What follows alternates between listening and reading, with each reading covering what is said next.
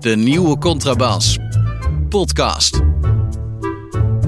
Over hedendaagse literatuur en de wereld daaromheen. Met Chrétien Breukers, een elitaire Limburger. En Hans van Willigenburg, zomaar een Zuid-Hollander. Tyfus. Tyfus. Ja. ja, Hans. Aflevering 33. Dat wou je zeggen, toch? Of niet? Ik zag je adem scheppen. Ja, ik, ik, ik nam een aanloopje naar 33, maar je was me voor. Ja, leuk hè, 33. De leeftijd van Jezus. Ja. Dus, wat gaan we vandaag doen? Je Eh, een- je- we hebben een boek. We hebben een draaiboek, toch? Ja, we, we hebben in ieder geval twee boeken die we gaan En ook bespreken. boeken, ja, zeker. misschien wel eens leuk om dat vooraf te verklappen. Dat zijn twee boeken. Het eerste boek is Tot de dood ons schrij- scheidt, Tot de dood ons scheidt van Lionel Shriver. Een vrouwelijke eh, Britse auteur eh, van 65, eh, of tenminste, nee, ze is van 1957, dus ze is 64. En een, het boek Hersenorkaan van Anne de Kramer, als ik dat goed zeg, of de Kramer, de Kramer. Nee, de Kramer. Ja. De Kramer, een Vlaamse auteur uit 1981, dus die is net 40 geworden, of Ja. moet nog 40 En worden. nog een jonkie. Hè? Ja. Kan Nobelprijs maar voor- krijgen. Voor we, voor we dus eh, naar die tips gaan, en eh, later in de uitzending hebben we een uitgebreid interview met eh, een hele bekende vertaler, in ieder geval een naam die ik zelfs, want ik let niet vaak niet, dat moet ik eerlijk bekennen, niet zo vaak op vertalers. Dat is een beetje oneerbiedig voor mij, maar dat is een zwak punt voor mij. Maar dit, dit is een, een, vertaler die ik zelfs ken en die ik inderdaad in heel veel boeken tegen ben gekomen. Kortom, een bekendheid in de vertalerswereld, Harry Lemmens. Ja, vreugd me zeer. Eh, maar we gaan eerst eh, terug, eh, of we gaan ons in 010. En vorige week zat ik nog in Gent, nu zit ik weer veilig in, in 010. Ja. En afgelopen weekend, dat heb jij vast ook meegekregen, Chrétien, was er een heus, een literaire, volgens mij was het eigenlijk was een literaire voorleesmarathon in, in Rotterdam. Nou is het volgens mij altijd gevaarlijk om een groot literair evenement in Rotterdam te organiseren, want eh, Ernest van der Kwast, eh, eh, misschien wel de bekendste Rotterdamse schrijver van dit moment, die heeft Ja. ooit tegen mij gezegd: je mag blij zijn als, je, als er in Rotterdam. Of, in Rotterdam zijn slechts 150 mensen echt in literatuur geïnteresseerd. En als je een literair event organiseert, dan mag je blij zijn als je een derde of een vierde van die groep op een één avond op één locatie bij elkaar brengt. Ja. Dus, maar dat dat was nu gebeurd, toch? Althans, in twee stukken, toch? Sorry? Wat, wat, wat was ook alweer de, hoe heette ook alweer die avond die ze hadden? Het boek, boek eh, Nee, literaire voorleesmarathon was het dat volgens was de titel van de, van de, van de avond. Ja, het was een literaire voorleesmarathon. En, Ja. eh, en, de, en, en de grap was, Dat er was- waren heel veel auteurs uitgenodigd. Dus niet 10, 20, 30, maar ja, wel... wel De hele wel- Nederlandse literatuur op ons Ja, zo ongeveer. zeg maar. Zo ja. ongeveer. Ja. En ik sprak gisteren Renato... Passionate was het. Het was Passionate Bulkboek. Die, gaan, Ja. die hadden dat festival. Maar die, die hadden heel veel schrijvers inderdaad. Op ons na dus. Sorry. En jij sprak gisteren. Excuseer. Ja, ik sprak gisteren met Renato Miguel. Dat is in, eh, eh, een, eh, een dichter van kleur in, in Rotterdam. van, ik dacht, Kaapverdiaanse afkomst. En die keek mij knipogend aan. Zo van, nou, je kan wel kritiek hebben op dat festival. Maar de gage die ik, die ik daar ontvangen heb, die, eh, die ontvang ik niet elke dag. Dus eh, de auteurs zijn gewoon op een hele grote pot geld eh, afgekomen bij die marathon. En ja, de, ik heb van iedereen gehoord, ik was er zelf niet bij, want ik zat er zelf nog in Gent, maar dat er anderhalve paardenkop in de zaal zat. Dus dat, dat, vanuit dat oogpunt dat dat evenement volkomen is mislukt. Maar zoals we alle weten, eh, ja, misschien is het gered door Herman Brusselmans, want die, eh, die ging eh, eventjes het N-woord erin gooien. Ja, die gooide het N-woord erin. En toen waren er twee schrijvers, twee auteurs, die het, de zaal verlieten, als ik het goed begrepen heb. Te weten Alma Matthijssen, ziekelijk aandachtsding. en eh Berichtje Hofstede. Die gingen allebei eh er vandoor. En dat was omdat ze dat woord, dat N-woord, en ik ga het niet hardop zeggen, want zo ben, ja, dat wil ik niet. Maar dat woord vonden ze zo kwetsend dat als dat werd gebezigd, konden zij zich niet in die ruimte ophouden. Dat is toch wat er gebeurd is. Hè? En dat gaf Herman natuurlijk weer de gelegenheid om eh, in een column te, te, te, van leer te trekken tegen de dames. En eh, ze moesten maar eens goed gebuffeld worden door een echte man zoals hij. Dat was weer dus Dus hij kreeg de ophef die hij, denk ik, heeft gezocht, toch? Of niet? Eh, Ja, nou ja, het, punt was dat, ik, ik, wat ik begrepen heb, gingen de beide auteurs die jij net noemde, die gingen naar de micro, liepen naar de microfoon en verklaarden toen dat ze niet langer, hè, dus, eh, dus ze liepen niet volgens mij zomaar de zaal uit. Nee, ze kwamen eerst naar de microfoon toe en gingen toen eh, eh, eh, min of meer als officiële verklaring dat zij zich niet in dezelfde ruimte wilden begeven als een, eh, als een auteur die het N-woord gebruikte. En wat ik toen verder begrepen heb, is dat de organisator, die natuurlijk eventjes ja, waarschijnlijk overvallen is door dit incident. Waarschijnlijk heeft hij van tevoren niet de tekst van Brusselmans gelezen. Dat hij zich ook? schielijk, Ja. dat hij zich schielijk aansloot bij de, bij de oproep eh, van, de, van de beide dames. Dus dat eh, de organisatie zich distancieerde van het N-woord. ja, ja, ja, ja, ja. Het is allemaal heel treurig, vind je niet? Ja, ik, ik, ik zit ook te denken, is, is het, eh, is dit, mo- moeten we dit verder, verder nog van commentaar voorzien? Of laten Nou, ik, dit- ik, ik vind het vooral treurig omdat het zo. ehm, waar, is, waar zijn de tijden Hans gebleven van het openbare debat? Waarin we dan zouden hebben gezegd: we gaan een gesprek aan over het N-woord. Waarom moet jij dat nou zo nodig? Waarom moet je dat nou zo nodig zeggen hier? Want ook Herman Brusselmans weet natuurlijk, als hij dat gebruikt, dat dan de tent op zijn kop staat. En eh, die, als die auteurs, eh, die nieuwe auteurs, dus Alma Matthijs en Brechtje Hofstede, al niet meer in staat zijn om te formuleren waarom ze dat liever niet hebben, maar alleen zich nog maar gekwetst weten te tonen, ja, dan, dan is het, het literaire debat dood. Dus dan kunnen we net zo goed de hele literatuur opdoeken. Ik hoorde van, eh, ik las trouwens bij Jan van Mersbergen dat ehm, inderdaad de gages hoog waren. Dat hij schatte dat er anderhalve ton eh, doorheen was gejaagd aan die schrijvers. En, Ja. eh, netjes dus, hè, voor die schrijvers, begrijpelijk dat die schrijvers zeggen, ik kom. En als er zo weinig publiek is, is dat een heel... eh, dan, is het, dan is de balans nog treuriger. Dan heb je enerzijds ophef, hè, die haalt dan de pers hier en daar. En dan heb je anderzijds een soort, alleen maar omdat de subsidie verschoven moet worden, bestaand instituut als Passionate Bulkboek, die wel een, een festival moeten organiseren, omdat ze anders eh, geen subsidie krijgen volgend jaar. Dus niet meer zozeer omdat ze dat willen organiseren, maar ze krijgen het geld niet als ze niet iets organiseren.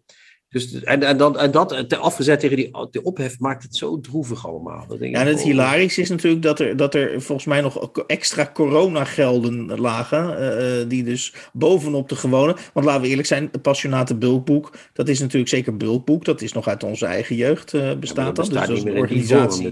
Nee. die al lang bestaat. Maar die, die, hun lijntjes met de subsidiekranen is, is zo goed. Dat ze dus inderdaad, zeker met die corona, nog zoveel geld hadden liggen. Dat ze nu dachten, nou, huppakee. eh, Of tenminste, daar heeft het alle schijn van.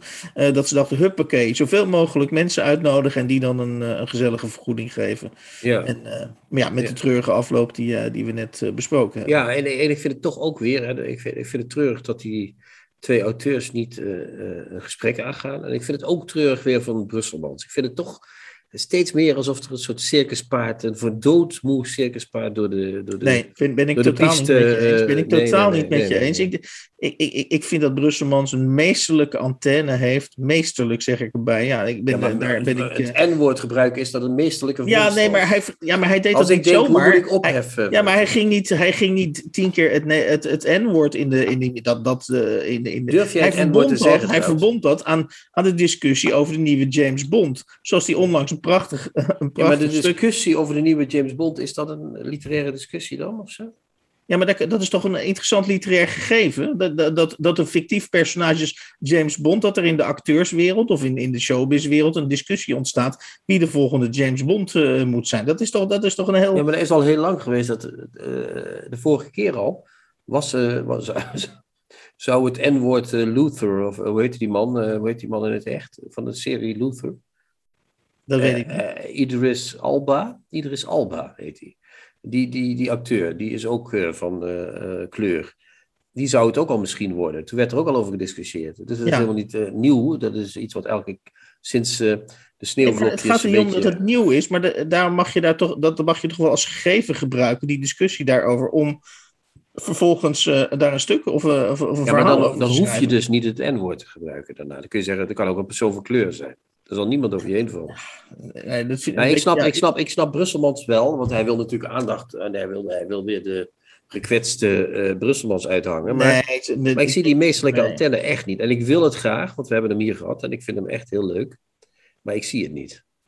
Nee, ik vind echt dat je hem nu volledig onrecht aan doet. Hij heeft laatst ook een prachtig stuk geschreven, vond ik heel mooi. over eh, eh, heteroseksuele seks is de handigste seks. Oké. Eh, ja, Nou, dat voor mij geldt dat hele, wel, maar- hele grappige manier. Maar daar zegt hij niks verkeerds, want je mag heteroseksueel zeggen, toch? Voor zover nog bekend. Ja, maar daar geeft hij dus op een hele, vind ik, op een hele interessante manier geeft hij commentaar op eh, zeg maar de gender eh, discussie zo van, eh, nou ja, goed, dat is een heel grappig stuk. Ik ga er nu niet uit. Nee, dat kan ik niet lezen, Maar want ik, ik heb geen ik vind echt dat Brusselmans een antenne heeft voor wat gevoelig ligt. En ik vind dat hij dat gewoon natuurlijk moet kunnen, kunnen zeggen en uitventen. Ik ben wel, ja, Maar het festival was treurig en de uitkomst is treurig. En eigenlijk, Ja. Er zijn alleen maar verliezers, Hans. ja misschien Ja. wel. Misschien wel. Maar er is één Eh, winnaar en dat is de winnaar van de Nobelprijs. Of gaan we die nog niet doen? Ja, doe, doe, gooi jij de Nobelprijs er maar in. Ja, Ja, ik moet even zijn naam erbij. En, eh, de, de, de, de- Oh, wat erg. Ik had hem net klaarstaan. Mum, mum, mum, mum. Hij heet eh, Abdul Razak Gurna, als ik het goed uitspreek. Ja. En dat weet ik natuurlijk niet zeker. Net als eh, ehm, Freddie Mercury is hij geboren in eh, Zanzibar. Hè, hè. Wij hadden vroeger een café in Nederweert, dat heette de Zanzibar, of in Weert.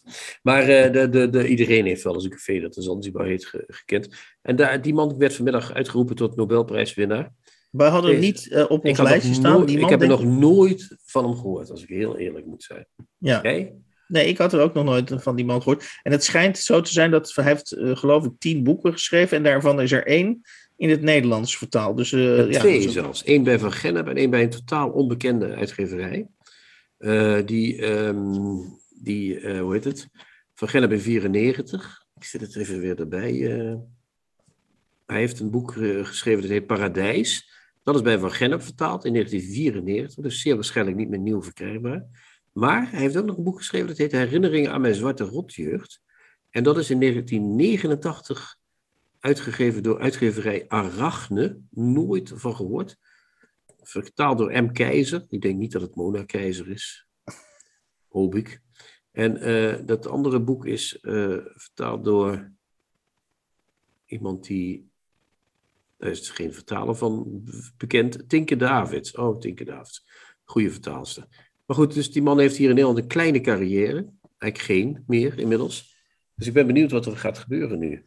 Ja, maar je, je kunt moeilijk een, een, een, eh, een, een, winnaar van de eh, eh, Nobelprijs voor de literatuur, kun je natuurlijk moeilijk langs de meetlat van zijn Nederlandse carrière leggen. Nee, maar dat betekent dus dat er nu al die uitgevers waarschijnlijk drast, de, de, de, druistig aan het eh, bieden zijn op, op Nou ja, maar- boeken van hem. eh. dat, dat, dat, dat is natuurlijk eh, interessant, want wat, ik vraag me dus af, we hebben, we hebben een van de vorige winnaars was natuurlijk Olga Kor- Tokarczuk. We hebben Ja. het daar een van de vorige afleveringen over gehad.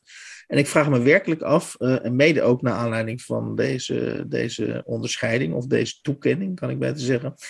Of wat dat nog in de. Wat, wat zou dat nou qua verkoop nog in de, in, in de schaal ik leggen? weet het niet. Ik weet dat ik zag bij Handke weinig effect, inderdaad. Dan zag je wat her, hier en daar eh, dat er een boek van hem uitkwam bij Koppernik. Maar er werd weinig van verkocht. Ik zag bij, bij die, eh, ja, waar ik de naam nooit goed van kan uitspreken. Toka- zeg jij het nog eens? Olga Tokarczuk. Ja. Ja, die, eh, die heeft ook wat gedaan, maar die was al redelijk, die was een beetje bekend. Maar de, de, de- de tijden dat dat bestsellers werden, is wel voorbij, geloof ik, hè? of niet? Modiano is niet uit het slop getrokken door de Nobelprijs. Nee, het is een beetje eh, Maar- klaar. Maar is, is het eigenlijk niet zo omdat eh, eh, dat, dat die Bob prijzen. Dylan, dat ging wel goed. Sorry? ja, Bob Dylan, dat is wel goed. Qua, qua geen- boeken, nee, die- qua. Die had geen, nee, die had geen boeken, dus ja. Dus dat, Nee, maar je- ja, sorry, excuseer. Maar is de eindconclusie niet dat die, dat, eh, die, die, die Nobelprijs voor de literatuur eh, eigenlijk net als heel veel artistieke prijzen losgezongen raken van de realiteit en eigenlijk ja dat is meer een soort onder een soort ons kent ons eh, bekroning die verder waar de waar de grote boze buitenwereld verder schouder ophalend aan voorbij gaat. Ik denk dat dat een beetje de conclusie is. Ja, ja, de literaire wereld is een krimpende wereld, zoals we altijd concluderen, of zoals we zo altijd zeggen. Ik zeg, en eh, dat is ook zo, en eh, we moeten een bruggetje maken naar BookTok misschien. Mm. Eh, de echte literaire wereld speelt zich op dit moment ergens anders af, lijkt het wel. Die speelt zich niet meer af in de prijzen of in de kranten of in waar wij allemaal vroeger in groot geworden zijn. Maar die speelt zich af op andere vlakken. Die wordt ergens anders gemaakt. Dat is niet meer Een No- Nobelprijs, daar ligt niemand. Ik denk niet dat iemand daar nog voor wakker ligt. Zelfs misschien de winnaar zelf niet. Dat die denkt, ja, Ja, dat, dat is, dat is leuk, maar eh, ja, dat had misschien twintig jaar eerder gekund. Want dan had ik tenminste nog een beetje eh, status eraan overgehouden. Het, het lijkt wel alsof het een beetje weg is, inderdaad. Ik denk dat het voor scheikunde en zo niet. Dat, dat, dat, dat zijn nog wel werelden waar dat eh, een rol speelt. Maar bij de, de literatuur zie ik een hele grote. Er zit een beetje de mot in de literatuur, lijkt het wel. Ja, Ja. Dan hadden we het vorige week over BookTok. En moesten we, ja tot, net zoals ik nu zei. Ja, moesten we eh, tot onze, ehm, al of niet eh, onze schande bekennen dat we eigenlijk eh, nauwelijks iets weten van BookTok. Maar jij hebt toen met enige week aangekondigd dat jij je ging verdiepen in BookTok. Dus Chrétien Brandlos, wat, wat, waar ben jij achter gekomen toen jij je, en ik citeer, ging verdiepen in BookTok? Ja, ik heb er. Millennials zouden zeggen, ik heb er een studie naar gemaakt. Maar dat is eh, echt. eh, dat valt ook wel weer mee. Ik heb, ik heb een, de TikTok-app gedownload, Hans. Oh, oh, sorry, ik maak hem niet meer aan. Dat, eh, dan komen meteen allemaal geluiden uit. Oeh, ik zet het maar gauw weer af. Voordat je het weet. En, en ik zag iemand dans. Heel gek. Maar daar, op, op TikTok zit ook BookTok. En daar heb je dan allemaal mensen die. ehm, en ik eh, dacht eerst dat het aan mij lag, dat ik iets niet zag aan die filmpjes. Mensen houden boeken omhoog en daar staan dan soms één zinnetje bij. That's it. Dan filmpjes van, laten we zeggen, 30 seconden. Daar houden ze vier boeken omhoog en staat een zinnetje boven. Ja, Awesome boek.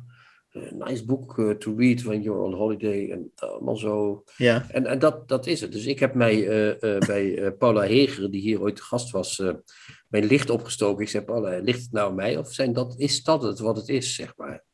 En toen zei ze tegen mij, ja, dat is wat het is.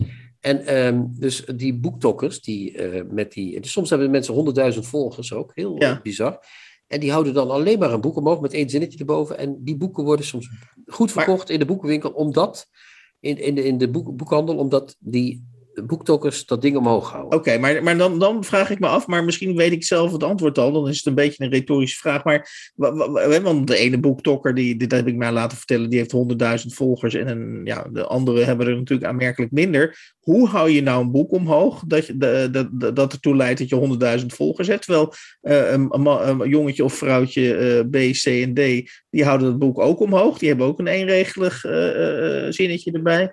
Maar, maar, maar die, die komen niet verder dan, nou ja, duizend of honderd volgers. Ja, ja, ja. Oh, wacht eens. Ik, ik wilde er eentje zoeken om dat te laten zien. Maar dat durf ik nu niet meer. Er is een Noah of zo, die is Amerikaans. En die, die, die doet zichzelf er ook bij. In een kek zomerjurkje gestoken. En die houdt die boeken dan heel... Die kijkt dan heel eh, vrolijk zo van... Wow, boek. En dan... eh, oh. En dan, soms zegt ze ook ineens van... eh, look, my nails. En dan eh, iedereen... Oh, awesome nails. En eh, ja, zo doe je dat, Hans. Dat, dat is het.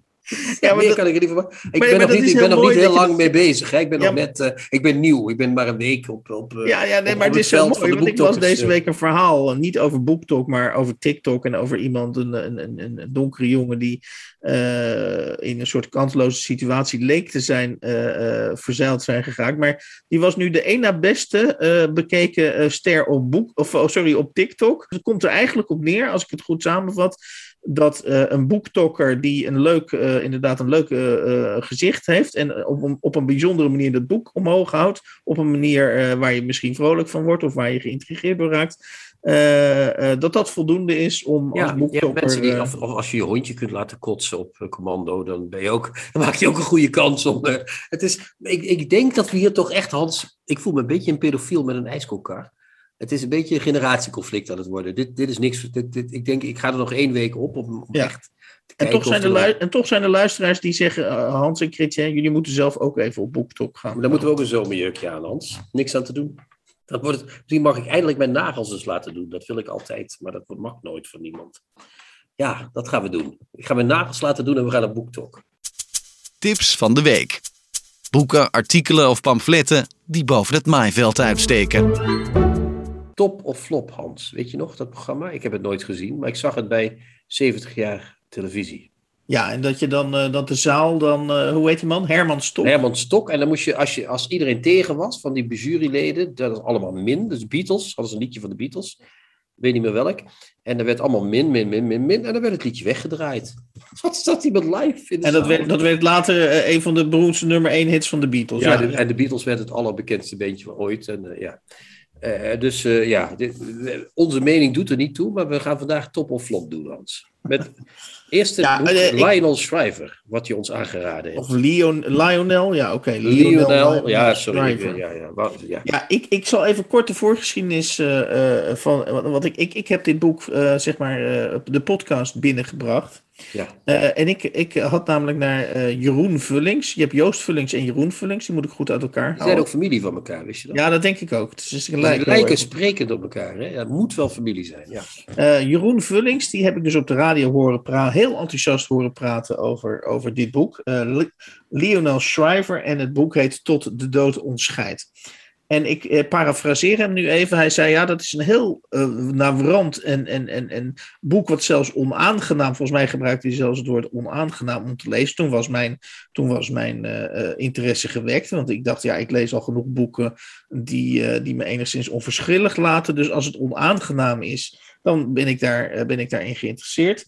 En verder eh, zei hij, eh, en dat sprak me ook heel erg aan, eh, namelijk dat hij zei, ja, de, de moderne ideologie, is, daar hebben we het eerder over gehad, is dat je maar zo lang mogelijk comfortabel en gelukkig moet leven. En hij bracht dit boek, of, of hij, hij, hij, hij portretteerde dit boek als een boek wat serieuze vraagtekens stelt. En ik dacht, kijk, als ik nou een boek kan lezen dat eigenlijk zegt, eh, Hans, je kan beter dood zijn dan nog een tijdje doorleven, dacht ik, nou, dat is misschien wel een hele, hele geruststelling ook. Eh, dus, ja maar goed, ik wou de boodschap via dat boek niet brengen, maar inderdaad, Maar, Hans, ja, we kunnen ik- maar beter dood zijn. ik, ik, ging, ik ging dat boek lezen en, eh, eh, en misschien is dat ook jouw ervaring, eh eh, Chrétien. Maar goed, dan, dan maak je dus eh, eh, ehm, eh, maak je kennis met K- Kay en Cyril. Dat zijn dus Ja. twee mensen, eh, een echtpaar is dat. Echte, echte boomers, hè? echte mensen met geld en een huis en, en een leven en een carrière en, en, en En om mijn bezwaar zo kernachtig mogelijk, maar gelijk erin te gooien, is dat ik denk dat Lionel Shriver inderdaad gedacht heeft in een soort brainwave.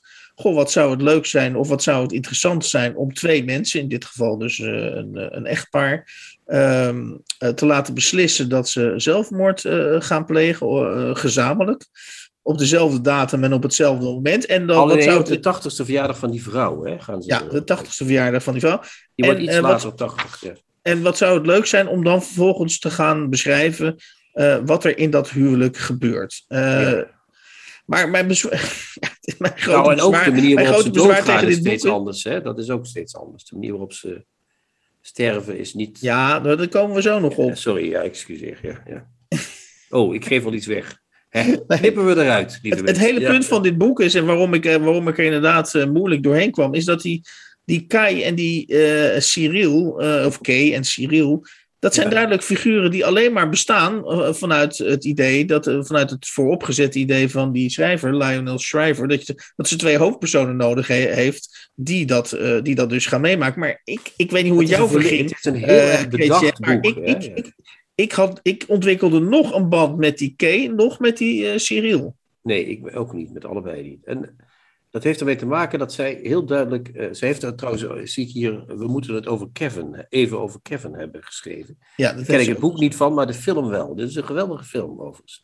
Ja. Maar anyway, ehm, die, ehm, die twee figuren staan voor, eh, voor, die staan voor haar idee. Wat ze, zij wil overduidelijk een tendensroman schrijven. Dus een roman waarin een belangrijk probleem uit deze tijd, Hans. Namelijk de vraag, waarom moeten die oudjes zo oud worden? Waarom kunnen die niet wat eerder eh, de platen poetsen? Hè? Waarom kunnen die niet gewoon dood? Eh, Dat probeert ze te behandelen. Van, eh, die mensen, en die mensen vinden dat eigenlijk ook. Die zeggen, ja, wij hebben het allemaal goed, we hebben het prima. Maar als we worden alsmaar ouder en versletener. En, en dat combineert ze ook nog met de brexit. Ze willen ook nog een soort politiek tintje Dat vind ik ook zo gekunsteld, ja. Ja, en dan, dan, dan wordt die man die wordt weer levendiger als de brexit eraan komt. Die gaat in demonstraties rondlopen Ja. met zijn oude, met zijn oude karkas. En dan eh, raakt hij weer En dan, vlak, en dan vlak voor ze inderdaad zelfmoord gaan plegen, dan bekent die vrouw dat zij, dat is dan op Dat zich, lief dat is dan een soort slapstick. Die bekent dan dat ze, dat ze voor de brexit heeft gestemd, terwijl die man zijn hele leven heeft dat we zijn toch samen tegen de brexit. Ja. Ja, maar hij heeft ze ook eerlijk geeft het toe. Maar ja, dat vind ik nog wel leuk. Dat, je, dat, je, dat is echt net alsof je in Nederland zeg maar een keurig NRC-lezend echtpaar... en dan zegt die vrouw van, ik heb op, eh, op eh, Wilders gestemd. Sorry. Ja. Ja. Dat vind ik nog wel geestig, moet ik eerlijk ja, zeggen. dat is nog geestig, maar ja. Maar de rest is zo bedacht en zo dan, dan, dan, krijgen we dus een doodscène waar, die niet helemaal lukt. zij, leeft, zij overleeft het nog, min of meer.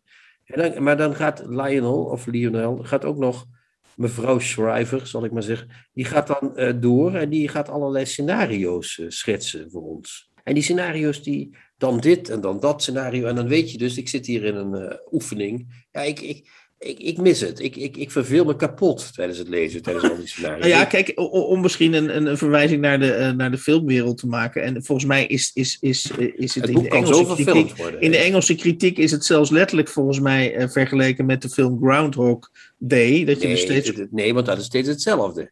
En ja. dat is niet hier. Ja, maar het, het, het, maar het gegeven dat je steeds teruggaat in de tijd en het opnieuw beleeft, dat, dat komt wel over. Ja, ja, ja, dat is waar. Ja. Dat klopt. Maar het, het, het is zo ja, het is een goede vondst. Hè? Het is een, een ons vondst en een pond oeuvre, zoals ooit Comrade over Bernlef uh -huh. Dus het is een goede vondst wat uh, Schrijver heeft gedaan, maar ze, ze, ze, ze pakt het enorm plichtmatig aan in het boek. Mij verveelt het werkelijk. Ik, ik heb bij elke bladzijde er doorheen. Als ik het niet had hoeven lezen voor vanavond, had ik het niet gelezen. Nee, en waar, en, en waar ligt dat uh, dan aan? Is dat, dat die te, want jij zegt terecht, het zijn boomers, die dus eigenlijk een min of meer perfect of perfect, maar een ja, soort, die hebben een soort perfect leven. Ja, zoals ja perfect burgerlijk leven leiden. Een naoorlogs leven. Weet je ja, wel. maar dat, dat impliceert dan wat mij betreft dat je dan iets met die levens moet doen. Of je moet, je moet die mensen iets geven. Maar wat doet Lionel Shriver of uh, mevrouw Shriver, alles, zoals dat zegt? Die laat ze eindeloos met elkaar praten, praten, ja, praten. Ja, en die mensen hebben heel weinig te vertellen. Dat, ja, dat is gewoon... Uh... Ja, het is een keurig boek over keurige mensen met keurige scènes. En ik denk dat ik denk dat Jeroen Vullings, die ik wel hoog heb zitten, dat hij het leuk vond, omdat het zo'n. Het is een a good read, zou het kunnen zijn. Als je echt al je. Uh, als, als je denkt van. Ik vind het een, een avondje lezen, prima boek. Maar als je nog verder erover na wil denken, dan staat er eigenlijk niks in. Dat vind ik toch jammer. Ik denk dat, ja. dat Jeroen Vullings gewoon eens een keer eigenlijk ook genoeg had van al die literatuur. En dacht ik, ik neem zo'n boek. En dat vind ik ook goed. vind ik ook leuk. Ja, maar, maar ik zou als, redacteur, als ik redacteur van Lee, uh, mevrouw Schrijver was geweest, dan had ik gezegd: een leuk gegeven. Uh, Jij kunt beter. Ja. Die personages zou ik wat meer kleur geven. En vooral laat ze niet eindeloos ouwe hoeren in dat boek. En, ja, en, of, of misschien is soms is een boek ook gewoon niet mislukt, maar, maar, maar moet je het wel uitgeven? Want ja, je kunt als redacteur tegen Schrijver, die van al die succesboeken, niet zeggen van ja, dit boek dat gaan we niet doen. Dat gaat nee. ook niet natuurlijk. Goed. Uh, dus die moet er ook wel even doorheen. Ja. Die, uh, die net bij mij misschien nieuwsgierig waren geworden naar dit boek. Uh, ons bescheiden advies is: doe het niet, toch? Nee, in dit geval ben ik bang dat we de Nine van Rijganiski weer uit de kast moeten halen. Nee, deze niet. Nee. nee. Dan gaan we naar het tweede boek wat we onder handen gaan nemen. Dat is het boek Hersenorkaan van Anne de Kramer. Ja. Een, een, Vlaamse schrijfster, schrijver moet ik zeggen. Uh, schrijfster, ja, mag wel. Ja, ja. En, uh, Wij mogen toch wel schrijfster zeggen, nog? Of niet? Is dat tegenwoordig? Ja, nee, goed. Daar gaan we nu niet, gaan okay. we niet over. Gaan we nu nou, niet een auteur, dat is lekker neutraal. Ja. ja, ik weet één ding zeker in ieder geval. En dat weet ik omdat, ik, omdat we net ook, ook buiten de uitzending natuurlijk gezellig met elkaar doorbabbelen. Is dat jij Anne de Kramer uh, goed kent. Nou, niet goed kent. Ik ben, nee, nee, ik ben kennis van haar. Okay. En uh, ik vind haar uh, sympathiek. Ik vind haar werk sympathiek. Ze heeft uh, Vurige Tong, De Seingever, Kwikzilver. Dat vond ik hele grappige romans. Leuke romans. Mm -hmm. ze heeft een mooi boek over Iran geschreven, waar ze geweest is. Duizenden en één dromen. Ze heeft wat taalboeken geschreven, dat zegt mij wat minder.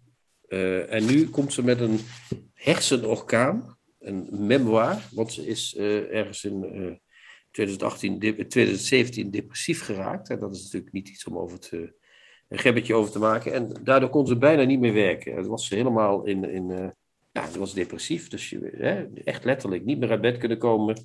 Letterlijk aan de grond zitten. Niet meer weten hoe verder met het leven. Aan de trein staan om uh, op de trein te springen.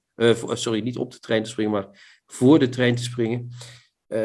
ja, en dat schrijft ze op in een. nu is ze dus weer een beetje hersteld schrijft ze op in een memoir, Hersenorkaan. En uh, ja, ook hier moet ik weer zeggen dat ik uh, er meer van had voorgesteld dan ik uh, gekregen heb. Maar, maar jij wat, kent haar wat, niet. Wat valt er tegen? Wat viel jou tegen? Nou, mij valt tegen dat um, de manier waarop ze schrijft, doet mij meer denken aan een young adult boek dan aan een literair boek. Ja, en heb je dus daar een vind, voorbeeld van? Nou, dan, dat zal ik zeker, ja, dat heb ik. Even mijn bril opzetten. Ik heb hier, uh, um, heeft bijvoorbeeld scènes dat ze, uh, dan gaat ze met haar moeder naar Utrecht. En daar heeft ze allemaal, daar heeft ze een lezing. En dat is midden in de depressie, de daarom moet de moeder mee. Ja. Dan gaat ze naar Utrecht, naar het Rietveld Scheurderhuis. Dat is een beroemd huis van de architect Rietveld. Daar maakt ze foto's van en dat laat ze dan aan een vriend zien. En dan zegt hij, mooi, zegt hij. Maar dat, de foto's dus, hè. Ja, Maar ja. wel braaf en een beetje proper. Veilig is misschien het beste woord. Samen met mijn beste vriend, ook gek van camera's en van architectuurfotografie, bekijken we de beelden die ik maakte van het Schreuderhuis. Begrijp je al wat ik bedoel? Ja, Het is een beetje zo van, mensen, denkt u niet dat ik niet ga uitleggen wat er gebeurt? ik ga alles uitleggen wat er gebeurt. We zitten achter een scherm met de gordijnen dicht. Eh, Nou, dan vraag ik me trouwens ook af, waar zijn de gordijnen dicht? Achter het scherm of in het Ja. huis? Maar goed, LED-licht werpt mijn foto's de kamer in, waar de composities hoogtelijnen vormen op onze gezichten. Ik- Kijk, je kunt iets beschrijven, hè? je kunt een eh, gebeurtenis, je kunt een verhaal maken zoals Schrijver, eh, en dat kun je dan eindeloos herhalen. Maar je kunt ook een verhaal doodschrijven. Hè? Dus ook een verhaal over een depressie kun je doodschrijven. en dat doet zij een beetje, begrijp ik. Ja, dus zij legt zoveel uit dat ik op een gegeven moment denk, ja, ben ik, ik ben toch geen kleuter? Ik hoef toch niet alles te weten, zeg maar. Het is, en dat is heel erg, want ik praat hier over iemand die echt een eh, klinische, eh, dat is echt een aandoening. Het is geen, eh, depressie is geen, geen Nee, nee, nee, zeg nee. maar. Dus ik praat hier niet licht over, maar dat, dat boek is niet, het lijkt wel alsof dat boek nog niet geschreven is. het lijkt wel alsof dat boek geschreven is door iemand die nog niet helemaal uit de depressie is. Dat meen ik echt serieus. Oké, ja. Het is nog net alsof iemand nog, met de, nog zoekt naar de, naar de taal. Van waar is Ja. mijn taal? Waar zit mijn taal? Eh, de, de, de manier waarop ik er naar gekeken heb, en nog even helemaal los van, van, van mijn oordeel over het boek, is dat ik dacht. En ik had een analogie met sport. Hè. In sport is natuurlijk de regel: als je niet in vorm bent, eh, dan, dan word je vaak door de coach word je op de bank gezet. En eh, tot je weer wel in vorm bent, en dan ga je vlammen op, Ja. op het veld. Maar ik, ik, ik zie in de moderne literatuur, en daar vind ik dit dus. Dus ik til het even over dit, dit ene boek heen. En ik til het eventjes Ja. naar een meer algemeen Ja. literair klimaat. Is dat, dat, dat het lijkt wel alsof als je niet in vorm bent, eh, eh, dat je dus juist vanuit literair oogpunt, dat je daar dan over moet gaan schrijven. Ik, ik, ik, ik, ik heb onlangs aan iemand uitgelegd. eh, die daarover mij vragen stelde. dat ik mijn eigen persoonlijke leven. daarin verschil ik trouwens heel erg van jou, Kretje. Maar ik vind mijn eigen persoonlijke leven. is bijna nooit materiaal waar ik iets mee doe eh, in mijn, Nee. eh, in mijn Maar, fictieboeken. nou, mijn, Omdat ik alleen maar. Ja, ja, ja. Ja, terwijl ik, omdat ik vind dat mijn eigen leven, eh, ja, vind ik niet zo, ja, niet zo interessant om dat daarin te gaan verwerken. En Ja, wat dat mij komt dus omdat opvalt, mijn leven wel interessant is. nou ja, goed, daar, kun, daar moeten we Dat een keer een apart, ook niet waar. daar moeten we een keer een aparte, aparte uitzending over maken. Nee. Maar ik dacht de hele tijd van, in wel bij dit boek, eh, ehm, eh, van ja, waarom moet ik dit, waar, waar- ja, waarom wil een schrijver per se zijn depressie? eh, en dan ligt het antwoord natuurlijk ook misschien wel weer deels voor de hand, en dat heeft dan ook weer heel veel te maken met het huidige klimaat, is dat heel vaak jongere schrijvers, en al aan de, aan de, eh, aan de Kramer is, persoonlijk. Die maken 40. autofictie, hè? Dat is gewoon zo, ja. Ja, eh, maar die zeggen dan weer ja, maar eh, vaak is het ook weer voor andere mensen die in de depressie zitten, zeggen ze van ja, is het juist goed om daarmee naar buiten te treden. Dus dan krijg je een soort hulpverlenersargument om, om dat boek de wereld in te sturen. En ja, ik, ik moet heel eerlijk bekennen dat het is. Jij had dat boek met dat boek van, eh, van Schrijver. Ik had dat met het boek van De Kramer. Van, ja, het is dat ik het voor, voor de nieuwe contrabas moet uitlezen. Maar het, Ja. het, het, het wordt niet echt uitgetild boven een particuliere crisis. Nee, dat klopt. Daar ben, ben ik helemaal met je eens. Eh, dat wordt het ook niet. eh, maar ik denk dat. ehm, kijk, een depres- depressie eh, gebruiken als materiaal. ehm, dat, dat, dat alles kun je. Je kunt als schrijver alles gebruiken als materiaal. Dus een depressie, je eigen leven, maakt niet uit. Als je maar zo. Kijk, je hebt een schrijver als eh, Kingsley Amis van Sophie's Choice. Hè? Mhm. Die heeft een eh, depressie gehad op latere leeftijd en schreef een prachtig boek erover, Darkness Visible. Volledig invoerbaar. Geniaal geschreven. Echt, echt een boek. Je wordt bijna depressief als je het leest. Nee, dat is niet, niet helemaal waar. Maar je voelt heel goed waar, waar het voor hem Ja. zat. En bij- bij haar, merk je, zij gaat alleen aan de buitenkant eromheen. En gaat heel vaak heel erg ehm, extatisch eh, schrijven om te laten merken dat ze er weer is. Maar ik denk dat ze zichzelf overschreeuwt, dus dat ze er nog niet is.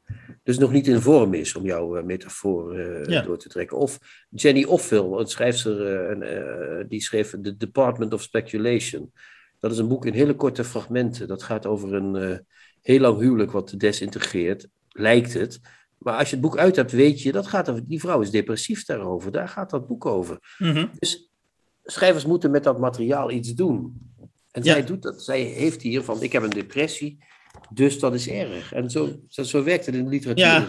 Ik, Ja. ik, zou het nog één, één, eh, eh, ik zou het nog één slagje kwaadaardiger kunnen maken, maar ja, de, vraag is nee. ja, dat zou ik is- zelf niet doen, maar dat... Niet Nou ja, om- is, is dat, jou, dat, maar- dat het soms bijna lijkt dat je het pas meetelt in, in, de, in de moderne wereld als je een depressie eh, hebt gehad. En als je die Nee, niet dat hebt, geloof ik niet. Nee, nee, maar goed, als je die niet hebt gehad, dat je dan oppervlakkig bent of zo. Nou ja, goed. dat kan. Eh, ja. maar ik zeg al, dat is misschien een wat kwaadaardige redenering. Ja, dat is een kwaadaardige reden. Maar wat, wat, wat, ik, wat ik, en dat is ook al behoorlijk eh, vergaand, is dat ik vind dat zij haar materiaal, en dat is dus haar eigen leven, niet op mij weet over te brengen. Van dit is dus wat het is. Dit is mijn. Die depressie. Ik, als ik dit boek heb gelezen, dan kan ik die depressie letterlijk niet geloven. En daar bedoel ik niet mee dat ik niet geloof dat zij een depressie heeft gehad of heeft. Niet geloof dat ze... Ja, ja. Maar ik geloof niet in, de, in, die, in het boek over die. Ik geloof dit boek niet. En dat is toch vrij ernstig. Dat, dat, daar zeg ik er op zijn, op zijn hardst nein, zeg ik dan tegen een boek. En, dat En ik dat doe in dit zeer, geval, ja, eh, ja, ik ja. doe in dit geval helaas opnieuw met je mee. Nee, nee, nee. Ja, jammer.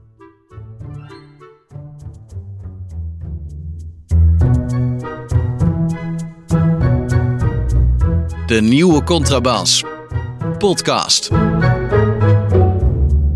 hebben hoog bezoek in de podcast vandaag. We hebben Harry Lemmens op bezoek.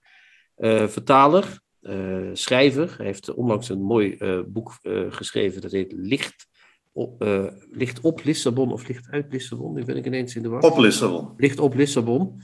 Eh, een heel mooi eh, verhaal over zijn eh, eh, fascinatie voor de stad Lissabon en zijn fascinatie voor de Portugese literatuur.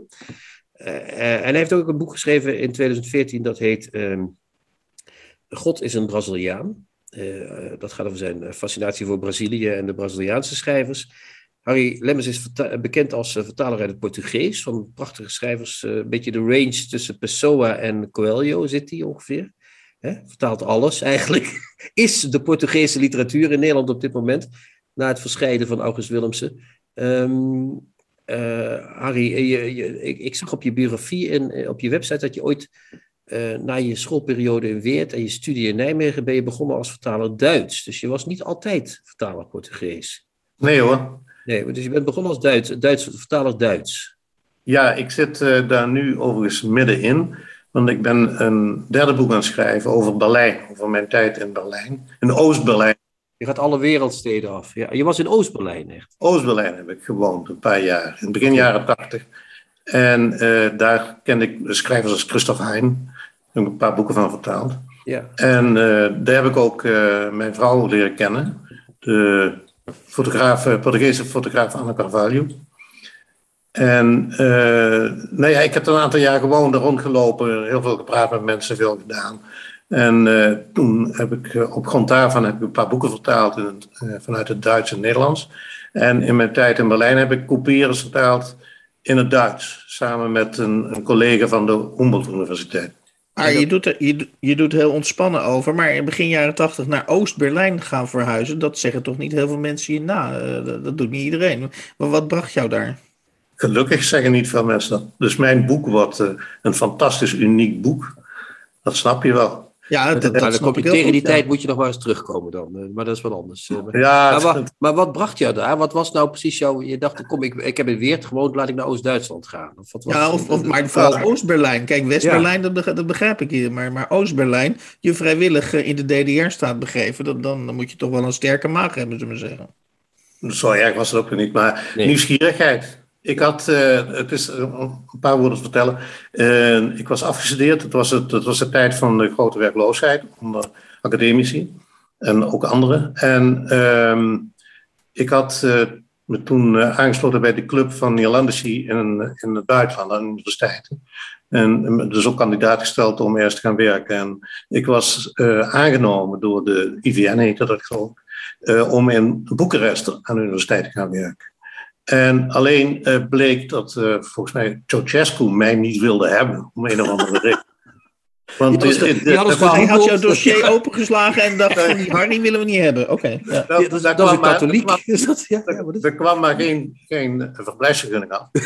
uh, en uh, ik had toevallig via een andere bron had ik uh, gehoord dat in Oost-Berlijn iemand gezocht werd om teksten te vertalen op een vertaalbureau. En ik kon daar een, een, twee weken naartoe gaan om rond te kijken, te kijken of het me beviel en, en, en zo. En ik wilde gewoon een tijdje weg. En uh, dit bood me een, eh, de kans om dat te doen. Ik ben uh, eind jaren, eind 81 ben ik uh, twee weken daar gaan werken en rondlopen. En dat beviel me wel. Mm -hmm. En toen dacht ik... Nou, Hoeveel jaar heb je er gezeten, alles bij elkaar?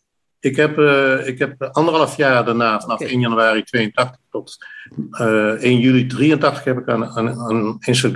En daarna ben ik nog twee jaar lang uh, regelmatig naartoe geweest. Oké, okay, dus, dus het was eigenlijk, je geeft gewoon de vacature daar, uh, die er daar was. Dat, dat was eigenlijk tussen aanhalingstekens de schuldige van het feit ja. dat die kant op ging. Je kunt wel blij zijn dat je in, uh, in Oost-Duitsland bent gekomen en niet in Roemenië. Want dat, zelfs in Oostbloklanden stond dat land slecht aangeschreven. Zeg. Ja, nee, dat weet ik. Ik, ik had me ook. Ik armoe, had armoe was het, ja, ja, ja, ja, Ik had natuurlijk ook informatie in gewonnen en ik dacht van ja, zou ik dat wel doen? Maar ik, had, ik hoefde helemaal niks te beslissen, want dat ging gewoon niet door. En dat, maar dat Portugees dan, hè? Dat is je, heb je echtgenoten. Is, is Portugees of niet? Die is Portugees of niet? Of zeg ik dat verkeerd? Nee, nee, nee. Ik heb, niks meer, ik heb Nederlands, Nederlands gestudeerd. Ja, maar jouw echtgenoot is echtgenoot. Ja, zij is Portugees. En dan ben je zo op dat Portugees gekomen? Of is dat. Ja, dat kwam vanzelf. Maar wij hebben echt nog jarenlang Duits met elkaar gesproken. Dat, ah, okay. dat, dat, dat was de, je kent dat wel als twee, twee mensen uit verschillende taalgebieden uh, een verhouding met elkaar krijgen, dan spreekt ze in een derde land, dan spreekt ze de derde taal. Ja. En in die derde taal zijn ze gelijk aan elkaar. Ja. Ja, ja. Okay. Maar, maar, je, hoe ben je dan, maar hoe ben je vertaler Portugees geworden dan? Dat, dat is nou, wij zijn vanuit, uh, dus in 85 zijn we in Lissabon gaan wonen. En daarmee begint mijn boek Ligt op Lissabon ook. Ja. En uh, daar, ik heb in Oost-Berlijn heb ik uh, geleerd met Nederlandse literatuur samen met, met die collega van de uh, van de universiteit, uh, docenten Nederlands, een Oost-Duitse. En haar man, dat was weer een Rus, en die, die vertaalde ook uit het, uit het Nederlands, die beheerste ook het Nederlands. En we hebben een aantal dingen ook van de grond gekregen in Oost-Duitsland, behalve kopiërs, nog, nog wat boeken. En ehm, dat heb ik daarna omgekeerd gedaan. Toen ik in Nederland, terugging naar Nederland, ben ik gaan luren met Oost-Duitse boeken. Ja. En toen we in, naar Lissabon gingen, toen zijn we daar gaan luren met Oost-Duitse en Nederlandse boeken, die, die uh, Anna zou vertalen. En ik heb, ben gaan lezen, ik ben uh, gewoon maar, maar door gaan lezen. Op die manier kun je een taal leren. En uh, ben in Nederland aan de slag gegaan. Ja. Dus allemaal gewoon met een, met een koffertje met boeken erin. Een, een, een venter, hè? Ja, maar je bent dus wel een echte, een echte globetrotter als vertaler. Ik bedoel, je, je, je hebt intussen al heel wat nationaliteiten voorbij laten komen. Nou ja, dit is gewoon toeval. Ja. En heb je nou, je bent nu, uh, nu ben je toch wel vertaler Portugees, mag je wel zeggen, hè? behalve uh, zelf schrijven. Um, je hebt, dat is jouw core business op dit moment, toch? Ja. Je hebt een aantal schrijvers die je doet, zoals, je, zoals dat heet. Hè? Je hebt uh, Coelho, maar dat is misschien niet zo interessant om over te hebben. Je hebt Pessoa, waar je veel van doet. Met een beetje de opvolger van August Films in de Pessoa-kunde. Uh, uh, samen met hem. Hè? Samen, samen met hem ben je begonnen natuurlijk. Ja, ja, maar ja ik, ik vertaal vanaf 89. Maar ik heb het, de indruk dat er, dat er een paar schrijvers dat er één schrijver is die jou grote voorkeur heeft. Dat is die Antonio, ik, ik weet niet of ik het goed uitspreek, Lobo Antunes, of niet? Uh, Antonio Lobo Antunes, ja. ja, ja. Is dat, is dat zo'n schrijver waar je zegt, als ik, als ik alleen maar hem zou kunnen vertalen, dan zou ik dat doen? Dat weet ik niet. Uh, heeft overigens weer de Nobelprijs niet gekregen vandaag. Nee, nee, maar wel een andere schrijver waar ik de naam nu ook niet meteen van kan op. Ja, ik heb hem al gezegd. Maar... Tanzaniaan. Die Hoerna heet hij met de achternaam in ieder geval. Ja. Tanzaniaan die in Engeland woont. Ja. Um, en, uh, maar Lobentoenus, nou, ik weet een, uh, de, mijn Duitse collega, vertaler van Lobentoenus, die, die uh, vertaalt alle boeken van hem. Ja. En, eh, dat, eh, dat vind ik wat veel van het goede voor een deel. Maar ook, ehm, ik, ik, ik wil graag allerlei dingen doen. Dat is net wat vertalen zo interessant maakt. Dat je niet maar aan, aan, aan één iets vastzit, maar van alles kan doen. Ja. Heb je, heb je nou, ik, ik las, wat, ik weet niet wat, wat voor soort vertaler je precies bent, want ik kan het natuurlijk niet vergelijken met het Portugees. Ik las laatst een artikel van Rokus Hofstede, die claimde het mede-auteurschap van vertalingen. Ben jij zo'n uh, vertaler die zegt: Ik ben ook de auteur van die vertaling? Ja, dat zegt Loban Toen zegt dat zelf ook. Dat, dat boek, de Nederlandse vertaling van het boek, die is van jou. Ja, ja. Vertalingen van, van mijn boeken zijn van de vertaler. Maar ik vind dat een beetje ver gaan hoor. Ik, ik vind wel dat je. Ik heb zo als. als, als uh, laten we zeggen, als uh, slogan of iets in die trant van wat de definitie van wat vertalen is, dat vertalen verzinnen is wat er staat. Ja. Dus je moet, er wordt wel uh, allerlei werk van je vereist dat dat niet technisch is of dat niet, niet, niet louter formeel is. Je, moet echt, je bent ook een eenvoudige dienstknecht in de wijngaard. Ja. Je moet uh, creatief zijn. Dan heb je natuurlijk ook nog zo'n vertaler als Hans Boland. Die is natuurlijk heel bekend geworden door zijn, zijn Dostoevsky-vertalingen. En, ja. uh, en die zegt uh, dat Dostoevsky moet je in principe proberen vanuit de 19e eeuw naar 2021 dan uh, te vertalen. is, dat is een vrij radicaal standpunt natuurlijk. Hoe kijk je daar tegenaan, tegen het actualiseren van een schrijver? Ja, ook dat vind ik weer net iets te ver gaan. Ik denk dat je, dat je, je hoeft niet terug te grijpen op, op 19e eeuw of op 18e eeuw of wat dan ook, maar, maar je moet, want dan word je onleesbaar, maar je moet wel een soort illusie wekken dat iemand een, een boek uh, leest dat oud is, terwijl de taal gewoon domweg modern is. Dus je moet je hoeden voor allerlei uh, modern, modern gedoe, straattaal en noem maar op, die, die, die, die verandert onder 10 minuten. Dus die mhm. moet je mijden als de pest. Dat is zo een, het S-woord zou je dat kunnen noemen, het straattaalwoord. ja. Niet aan doen. Niet aan doen, nee. Collega's. Dus geen uh, Bindervoet en Henkes die, die de Ulysses vertalen alsof het een hedendaags uh, gebbetje is. Leef de vrijheid. Nee, is dat. Uh, ja, dat Leven de vrijheid, zeg ik maar. Ja, okay, ik, ik kan het niet allemaal beoordelen. Dat is nee, ik, uh, ik, ik vind dat je, wat, wat ik, ik vind dat je een, een, goed moet nadenken over wat, wat, wat een schrijver is en welke tijd hij een boek heeft geschreven. Hij of zij natuurlijk. En, en je moet dat overbrengen naar, naar, naar zo'n Nederlands dat de uh, lezer helemaal niet in de gaten heeft dat hij een, vertaling, een vertaling leest. Mm Of hij denkt, de lezer denkt dat hij een, met Joyce een Engels boek leest, maar hij leest natuurlijk gewoon Nederlands. Ja. En zodra de lezer stokt, zodra de lezer denkt, hé, wat staat hier? Dit is wel heel gek. Ja. Uh, de, dat vreemd vindt, dan, uh, dan is de vertaling niet goed. Maar, maar dit, dit, wat je nu zegt zou pleiten, uh, omdat je eigenlijk expliciet, en ik denk dat je daar gelijk in hebt, is dat je, dat je proogt als vertaler om zeg maar het, het Portugees of, of, of, of het Engels, welke taal dan ook, uh, naar, ja, om daar een Nederlands boek van te maken. Uh, waar, en de illusie, wat je zelf zegt, de illusie te kweken dat, dat men een Nederlands boek uh, zit te lezen. Dat, dat zou ervoor pleiten dat je toch wel deels de auteur bent natuurlijk van, van die tekst. Ja, ja, het zijn mijn woorden zijn mijn Nederlandse woorden. Die, ik, ik moet die niet Ja, ik bedoel dus eigenlijk te zeggen, daarin ben je dan misschien toch net iets te bescheiden. Maar goed, oké, ja. Nee, ja, maar dit is natuurlijk een hemelsbreed verschil. tussen of je, of je iets verzint vanuit een bestaand iets, of iets verzint vanuit het niets. Ja, tuurlijk. Ja. ja, ja. en daar ligt het verschil. Ja, want is er in jou, was jij ooit eh, van plan om, eh, zoals alle beschaafde pubers, om schrijver te worden? En ben je toen vertaler geworden, of is dat nooit geweest? Nee, nee, de vertaler heb ik niet aan gedacht. Ik ben er wel ook tijdens mijn studententijd heb ik ook wel uh, vrij veel vertaald. Ik heb me toen bezig gehouden met Afrikaanse literatuur. Mm uh, op, op, op, mijn afstudeerscriptie ging daarover, op, op basis van Frank Martinez Arion. Oh, ja. uh, maar toen heb ik voor mezelf vrij veel vertaald. En daar is ook weer een, een vertaling uit het Engels voor, voortgekomen. Mijn, eigenlijk mijn eerste vertaling. Ik ben klein uitgeverij Nijmegen. van Gabriel Okara. The Voice, de stem. Welke uitgeverij was dat dan? De Stiel. Oh, van, uh, van Anneke van der Putten. Anneke van der Putten, ja. Ja, ja, ja. Oké, wat grappig. Daar, daar ben je mee begonnen echt. Dat is jouw eerste... Ja, dus toen was ik bezig met, toen was ik bezig met kopiëren in, in, in, uh, achter het ijzeren gordijn. Hè. Ja.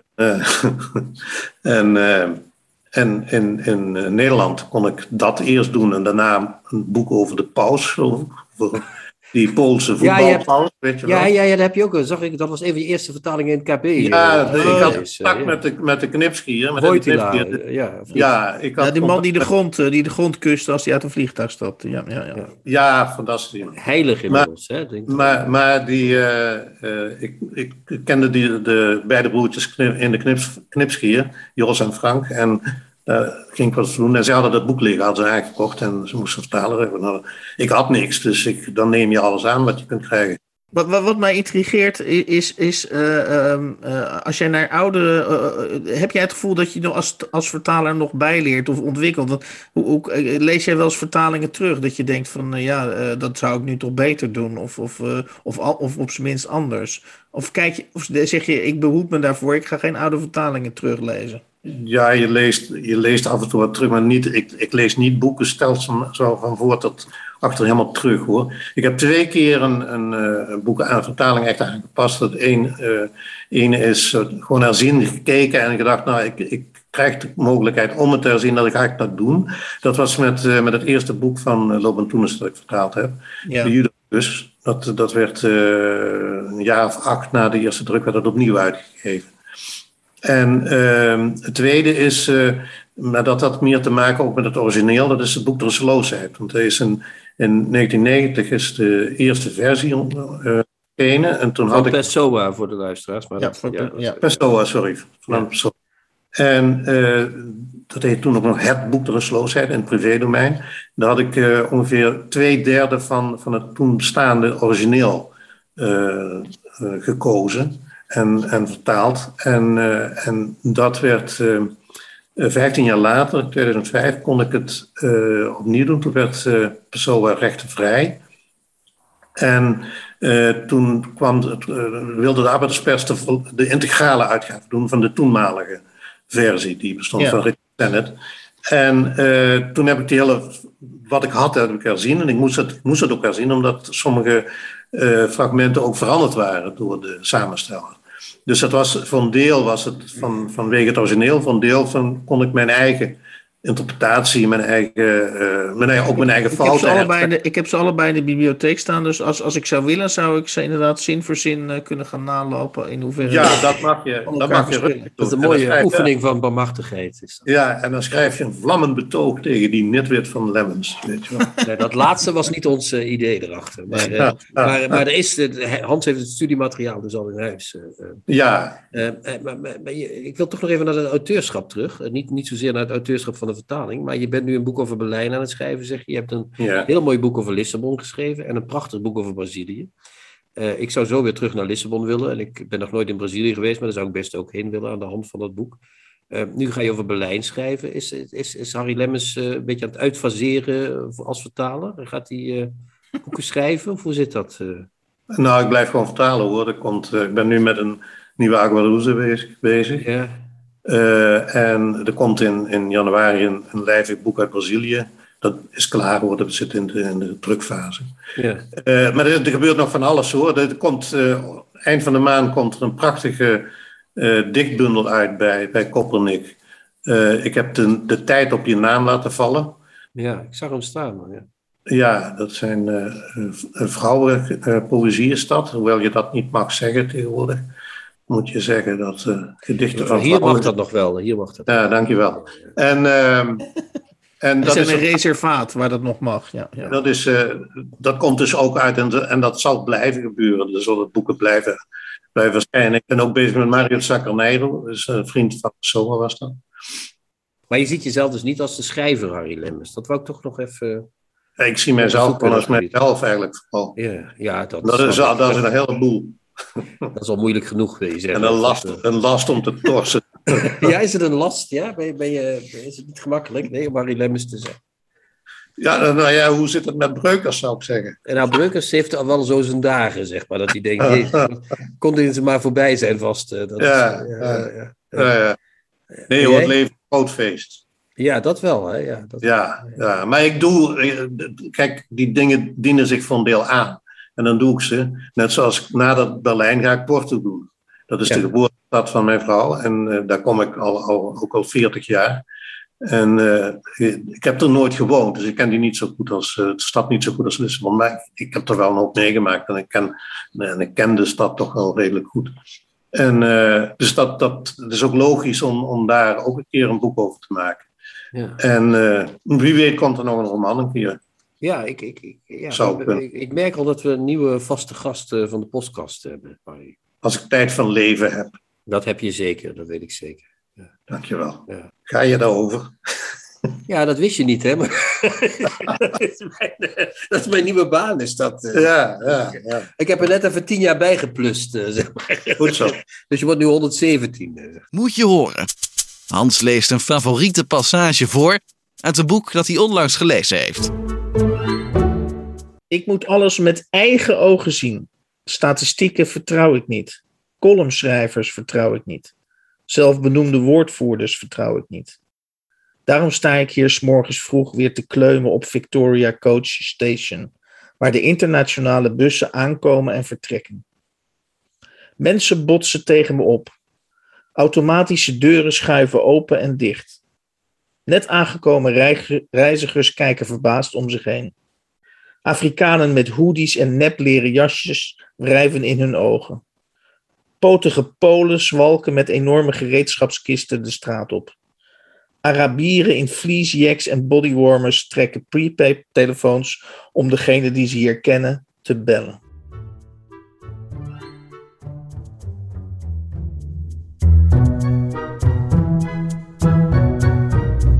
De nieuwe Contrabas.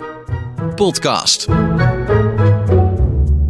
In de 33e aflevering van de nieuwe Contrabas podcast kwamen voorbij eh, de roman eh, Tot de dood ons schrijdt van eh, Lionel Shriver, verschenen bij Atlas Contact in 2021, vertaald door Carina van Santen en Marianne van der Ster. Eh, dan hadden we het eh, van dezelfde uitgever, eveneens verschenen in 2021, Hersenorkaan van eh, Anne de Kramer. En dan spraken we met, natuurlijk met Harry Lemmens, de vertaler. Hij is onder meer auteur van het boek God is een Braziliaan, verschenen bij de Arbeiderspers in 2014. Eh, en het boek onlangs verschenen, dus ook bij de Arbeiderspers, Licht op Lissabon. En hij gaf ons tevens een inkijkje in zijn toekomstige boek. En dat smaakte zeker naar meer. Eh, eh, zijn toekomstige boek over Berlijn, eh, CQ Oost-Berlijn. En dan las ik nog een passage voor. En dat was een passage uit het prachtige journalistieke boek, onovertroffen wat mij betreft, zeker van de laatste tien jaar. Het boek Dit is Londen, met als ondertitel Leven en dood in een wereldstad. En dat is geschreven door Ben Judah. En dat is ook verschenen bij Atlas Contact. Eh, maar dat is verschenen eh, in eh, 2017, dus dat is alweer iets ouder. Heeft u suggesties, opmerkingen eh, of anderszins, wilt u anderszins reageren op eh, de nieuwe Contrabas podcast? Dan staat dat eh, bekende e-mailadres open, namelijk podcast.denieuwecontrabas.blog. Ik herhaal podcast.denieuwecontrabas.blog. Uh, Chrétien, heb jij Ja. nog een, slot, een slotgedachte aan deze Ja. uitzending? Of zeg jij van, ik ben doodmoe, want we leiden een druk leven en ik vind het allemaal wel prima zo? Nou, ik heb wel een slot gedacht. Ik wilde er even hiep, hiep, hiep, hoera zeggen tegen Abdul Razak Guna. Hè, hebben we al gedaan, maar nog een keer. Want die zal nu wel eh, flink aan de champagne zitten, inmiddels, denk ik. Als hij niet al totaal dronken in bed is gevallen. En ehm, We hadden net betoogd dat die, zelf, dat die Nobelprijs zo onbetekenend is geworden dat zelfs de auteur die hem wint misschien niet. niet eh, maar goed, oké. maar hij krijgt een miljoen binnenkort, dus hij kan wat flesjes champagne er een stuk slaan. Trouwens, Imre Kertész, de Nobelprijswinnaar uit Hongarije, die is toen naar Berlijn gegaan en heeft dat miljoen helemaal stuk geslagen daar in restaurants en eh, in dure appartementen. Een fantastisch eh, verhaal. Die heeft dat helemaal lekker opgebrast op het eind van zijn leven. Dus dat zou, ik hoop eigenlijk dat ik de Nobelprijs win op mijn 82ste en dan nog vier jaar met een jonge meid in Berlijn kan gaan zitten. Weet je, dat, dat lijkt me echt ideaal. Lijkt me dat, eh, toch? Ja. Ik, jij, ja. jou niet, Hans? Of jij klinkt een beetje alsof je dat niet... Nou, ik ben al blij, ik, ben en al- ik ben al Rodenrijs. blij als ik 82 haal, maar... eh, Ik, haal, ik word veel ouder. Ik word er 103 of zo, minstens. Ja. De nieuwe Contrabas podcast wordt gemaakt door Chrétien Breukers, Hans van Willigenburg en Erik Lindenburg.